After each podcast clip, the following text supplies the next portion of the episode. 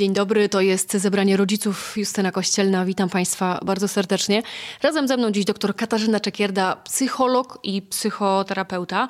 Rozmawiamy dziś o tym, jak kolejność narodzin ma wpływ na dzieci i na całą rodzinę, bo że ma to chyba nie ma wątpliwości, prawda? No tak, jest trochę wiedzy na ten temat, tak, trochę badań, które o tym mówią, że jednak ma to jakieś znaczenie, aczkolwiek jest to bardzo złożona sprawa i ta kolejność urodzin w różny sposób, e, w różnych sferach życia może wpływać w zależności od kontekstu jeszcze całej rodziny.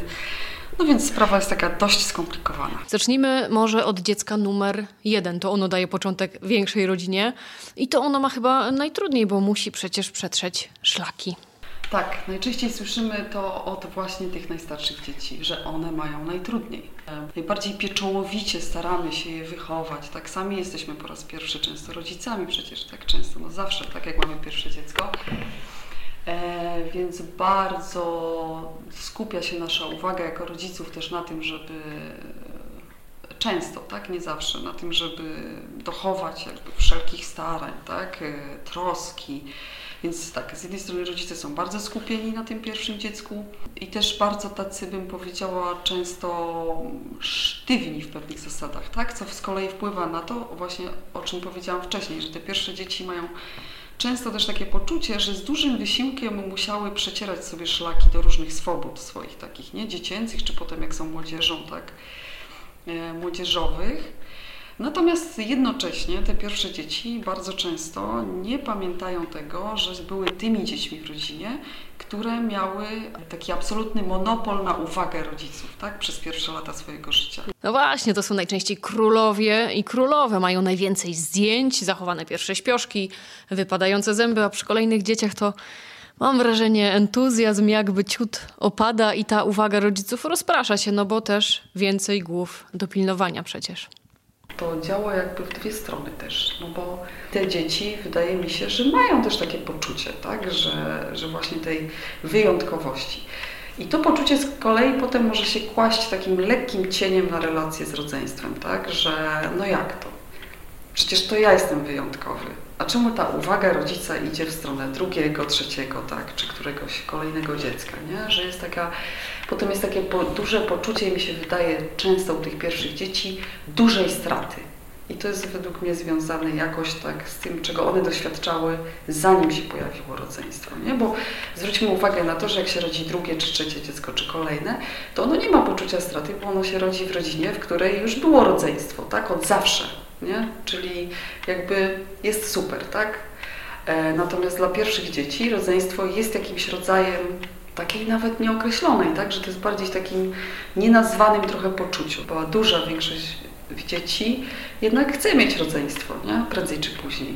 Natomiast te uczucia są takie ambiwalentne, bo z jednej strony fajnie mieć rodzeństwo, z drugiej strony no ma to swoje przykre konsekwencje i to głównie bym widziała jednak, że to się rozgrywa w relacji do rodziców, tak, że nie to, że tam brat czy siostra jest trochę taka e, niegrzeczna, czy przeszkadza, czy coś, to jest wydaje mi się jakoś mniej istotne w tych relacjach między dziećmi.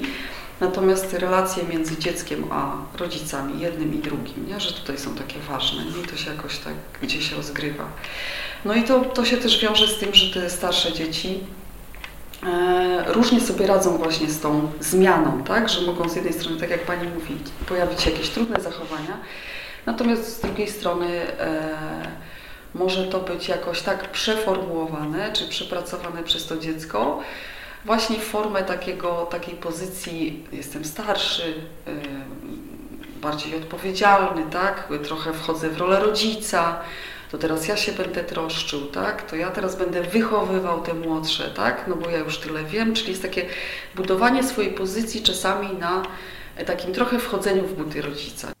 To zaraz do tych młodszych i najmłodszych wrócimy. Teraz moment przerwy. Radio Wrocław. Radio z Dolnego Śląska. Witamy po przerwie. To jest druga część zebrania rodziców. Moim Państwa gościem jest dziś doktor Katarzyna Czekierda, psycholog i psychoterapeuta. Mówiłyśmy już, że dzieci urodzone jako pierwsze mają najciężej. Później przychodzi na świat kolejne dziecko i to już chyba z górki. No tak, rodzice już y, trochę nabrali wprawy w swoich umiejętnościach rodzicielskich, trochę zebrali doświadczeń, jak to jest z dziećmi. Przecież też bardzo często jest tak, że jak zostajemy rodzicami po raz pierwszy w życiu, no to też się przejmujemy tak, różnymi teoriami, różnymi zaleceniami, rekomendacjami.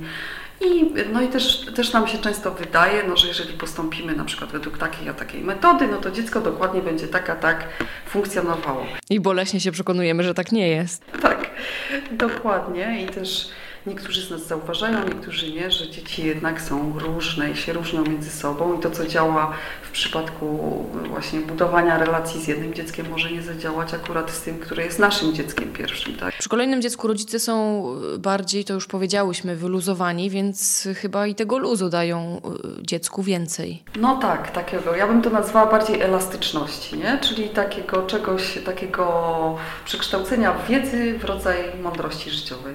Tak? Czyli, że stosujemy wiedzę, ale w zależności od sytuacji. E, no i więcej czucia, nie? Czegoś takiego, co trudno nazwać, tak? Że po prostu bardziej się też czujemy, o co może dziecku chodzić. Tak? No bo za pierwszym razem możemy sobie przypomnieć, tak? Mamy pierwszy, pierwszego noworodka w swoich ramionach, on zaczyna kwilić i po prostu kompletnie nie wiemy, o co chodzi. Tak? I z czasem się uczymy, że to dziecko ma ileś rodzajów płaczu i każdy ten płacz coś innego komunikuje. No i nawet na takiej malutkiej sytuacji można sobie wyobrazić, że jak przychodzi na świat drugie dziecko, no to już ten rodzic jest bardziej taki też yy, od razu wprawny, tak? Jakby i, i to działa też na rodzica, tak? W takim, w takim sensie, że wydaje mi się, że to, że ja jako rodzic zdaję sobie sprawy z tego, że wiem o co chodzi mojemu dziecku, o co jest mu potrzebne prawdopodobnie, tak? Pewniej się czuję jako rodzic, jakby moje poczucie wartości jako rodzica jest takie stabilniejsze, więc mamy mniej nerwowych ruchów, nie? I mniej stresu i, i nawet jeżeli przestrzegamy czy ustalamy jakieś zasady, to wiem, że jak się czasami tą zasadę odpuści, to się świat nie zawali, tak? I że dziecko będzie dalej żyło i nic y, się takiego dramatycznego nie wydarzy.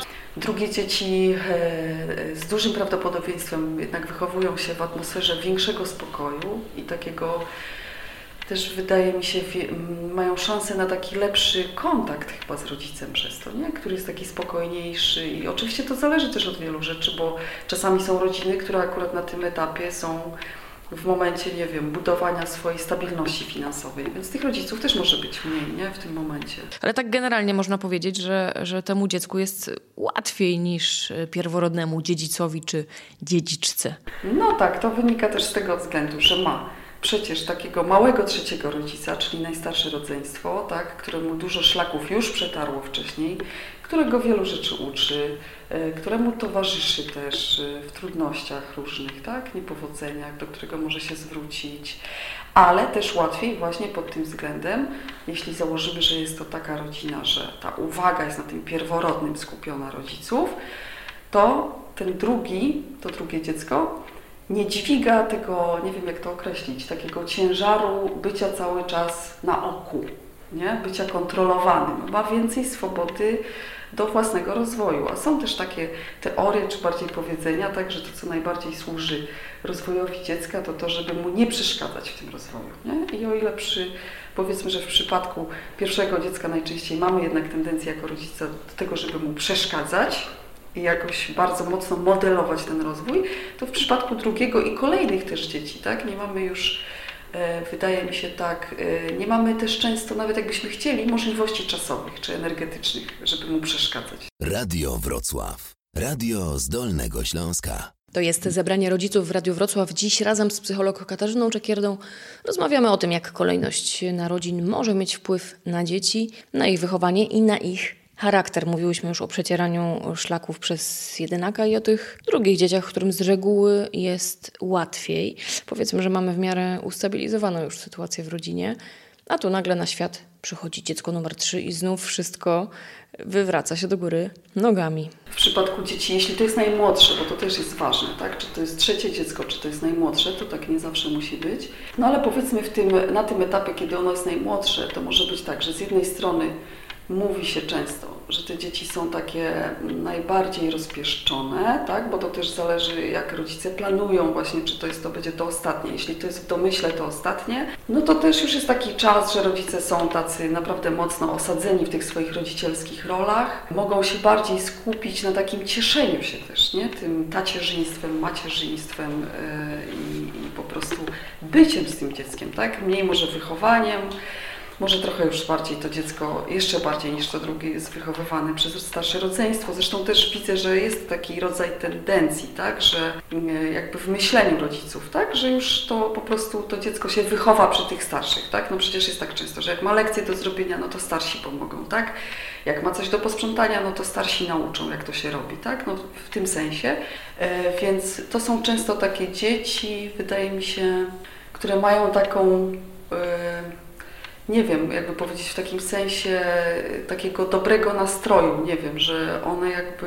Często mówi się o nich, że to takie maskotki rodzinne. No tak, czasami właśnie tak bywa, że to idzie w tym kierunku, natomiast czasami może iść też w drugim kierunku zupełnie, czyli takiego opuszczenia trochę i zaniedbania nie?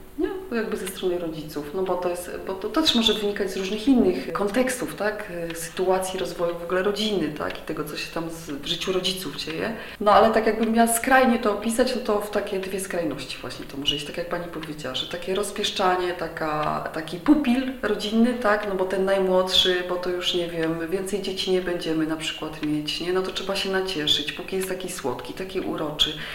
I rodzice sami zaczynają też na przykład czuć, że to jest bardzo przyjemnie nosić dziecko na rękach, a już więcej tego nie doświadczę. No to ponoszę je do trzeciego roku życia, nie? No i trochę tak e, to rozpieszczanie wiadomo w tym takim sensie też e, niekonstruktywnym, tak? Że to dziecko z kolei nie ma wtedy e, trochę takiej przestrzeni czy możliwości, żeby uczyć się trochę tej samodzielności nie? i żeby mieć wyzwania, bo jakby nie, na przykład nie daje mu się wyzwań, bo to jest tak miło sobie z nim pobyć, takie potraktować trochę właśnie dłużej nawet niż ona potrzebuje jako malutkie dziecko. A z drugiej strony, tak jak powiedziałam, też może pójść to w taką drugą stronę, nie? Czyli na przykład rodzice są tak zapracowani, jest y, tyle innych rzeczy, jest dwójka starszych dzieci, że to dziecko trochę może być takie zostawione samo sobie, też w sensie emocjonalnym, tak? No bo jakby tak jak powiedziałam wcześniej, czasami zostawić dziecko trochę samemu sobie jest dobrze, bo ono się uczy samo różnych rzeczy i takiej mocy nabiera. No ale też, żeby pamiętać o tym, że y, dziecko, które się wydaje grzeczne, nie potrzebujące uwagi, nie zawsze takie jest, tak? Żeby być wrażliwym na to, na to dziecko, nawet jak ono nie daje takich sygnałów. Te dwa scenariusze, o których Pani mówi, nadmierne, nadmierne skupienie się na dziecku lub pozostawienie go y, samopas, muszą mieć konsekwencje w dalszym życiu. Y, może łatwiej to tak zobaczyć w przypadku takiego nadmiernego roz, rozpieszczania, takiego nadmiernego obsługiwania dziecka, tak, wyręczania go, e, e, jakby tak, w takim sensie, no to bardzo często może to prowadzić e, do takiej, takiego poczucia w życiu dorosłym, właśnie takiego, nawet nie poczucia, tylko nawet takiego, takiej braku umiejętności zadbania trochę o siebie, nie? Albo na przykład do takiego poczucia, że mi się należy, że oczekuję od innych, że oni mi tu pomogą, tu zrobią, tu załatwią. I faktycznie bywają tacy dorośli, 20-30-latkowie, tacy w dużym stopniu nieporadni, tak? Można by to tak nazwać może, nie? Oczywiście te, tego typu rozpieszczania może równie dobrze dotyczyć i wcześniejszych dzieci, tak? To zależy też od różnych tam sytuacji. E, natomiast, ale też jest pozytyw na przykład tego, tak? No bo jeżeli, nie wiem, jako trzecie dziecko byłam maskotką czy takim pupilem rodzinnym, no to idę w świat z takim poczuciem, że jestem fajna i kochana, nie? I to jest miłe, nie? To jest przyjemne, bo też wiemy, że pójście w, w świat z takim poczuciem, ale powiedzmy bez tej roszczeniowości czy pretensjonalności, pomaga nam jednak w życiu, nie? Bo jesteśmy raczej lubiani, lubimy ludzi, podchodzimy ufnie do różnych sytuacji życiowych i to z kolei wpływa na to, że sobie lepiej radzimy też z różnymi e, uciążliwościami życiowymi. Radio Wrocław. Radio z Dolnego Śląska. Dzisiaj w zebraniu rodziców z dr Katarzyną Czekierdą zastanawiamy się, w jaki sposób kolejność narodzin ma wpływ na role, które otrzymujemy w rodzinie. Z tych ról lidera, na przykład w przypadku jedynaka, czy też maskotki w przypadku ostatniego dziecka, chyba się nie wyrasta, prawda? Ja jeszcze może bym tylko króciutko zaznaczyła, że jeśli mamy sytuację, że jest trójka dzieci, to często też się mówi o takim zjawisku hamburgera, może nieładnie, no ale obrazowo, tak? Czyli, że to drugie dziecko środkowe wtedy też zmienia swoją pozycję, bo ono nie jest drugim, tylko środkowym.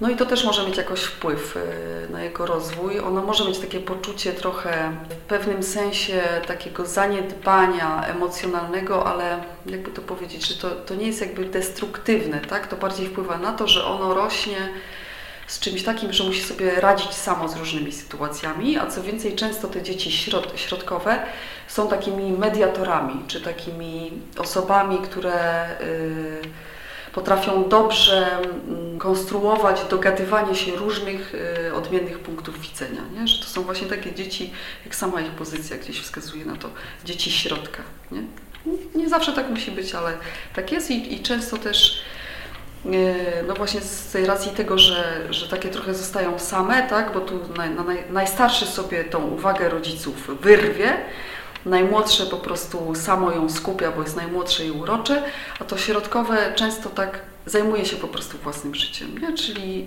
mogą to być osoby, które e, realizują swoje ambicje naukowe, zawodowe, tak, w takim sensie. I teraz przechodząc do tego, czy to zostaje gdzieś właśnie w późniejszym życiu? Myślę, że tak. To jako przykład można podać, że często jak e, e, wiążemy się, wchodzimy w związki, to bardzo często nieświadomie jakoś realizujemy, czy zostajemy w tych rolach, tak? I że to jest tak, że na przykład jeśli mężczyzna, nie wiem, był najstarszym rodzeństwem, to bardzo często, tak jak obserwujemy, jego partnerka jest na przykład drugim albo trzecim, tak? Rodzeństwem w swojej rodzinie pochodzenia. Mówimy o tym nie oceniając tego, tak po prostu jest. Nabywamy w rodzinach pewnych kompetencji takich psychologicznych czy życiowych, w tych relacjach z rodzeństwem, w tej relacji w stosunku do rodziców. E, no i z tymi kompetencjami idziemy w dorosłe życie i jakoś tak e, potem e, to, co umiemy, to wykorzystujemy, prawda, też w naszych relacjach, potem w naszych rodzinach, w naszych bliskich związkach. Nie? No i ja akurat mam też taką perspektywę na pary gabinetową, tak? czyli najczęściej to jest jakby wąska bardzo grupa osób, które akurat przeżywają pewne trudności. Tak? I, I te trudności często e, też się wiążą z tym, że w związku z rolą życiową, czy jakby funkcjonowaniem swoim, do jakiego nawykłam, czy jakie, jakie umiem, tak? Mm, mam pewne oczekiwania w stosunku do partnera czy partnerki, tak, żeby też e, na przykład, nie wiem, jeżeli ja jestem najstarsza, czy byłam przez całe życie najstarszym rodzeństwem, to mogę mieć potem takie oczekiwania do przyszłego partnera czy partnerki, żeby e, słuchało się pewnych poleceń, tak, mówiąc tak bardzo kolokwialnie, nie? Mm, no a z kolei e, ta druga strona e, po części może to spełniać, no ale tak do pewnych granic, nie? I, i rodzą się konflikty. Tak, to jak podaję jako malutki, szczegółowy przykładzik tego, że to e, na bardzo szeroko może też wpływać potem, tak, na to, co się dzieje w naszej relacji, już jako dorosłej osoby z drugą dorosłą osobą. Powiedziała doktor Katarzyna Czekierda, psycholog i psychoterapeuta. Bardzo dziękuję za to spotkanie. Dziękuję bardzo. A pytała Justyna Kościelna. Również dziękuję i do usłyszenia.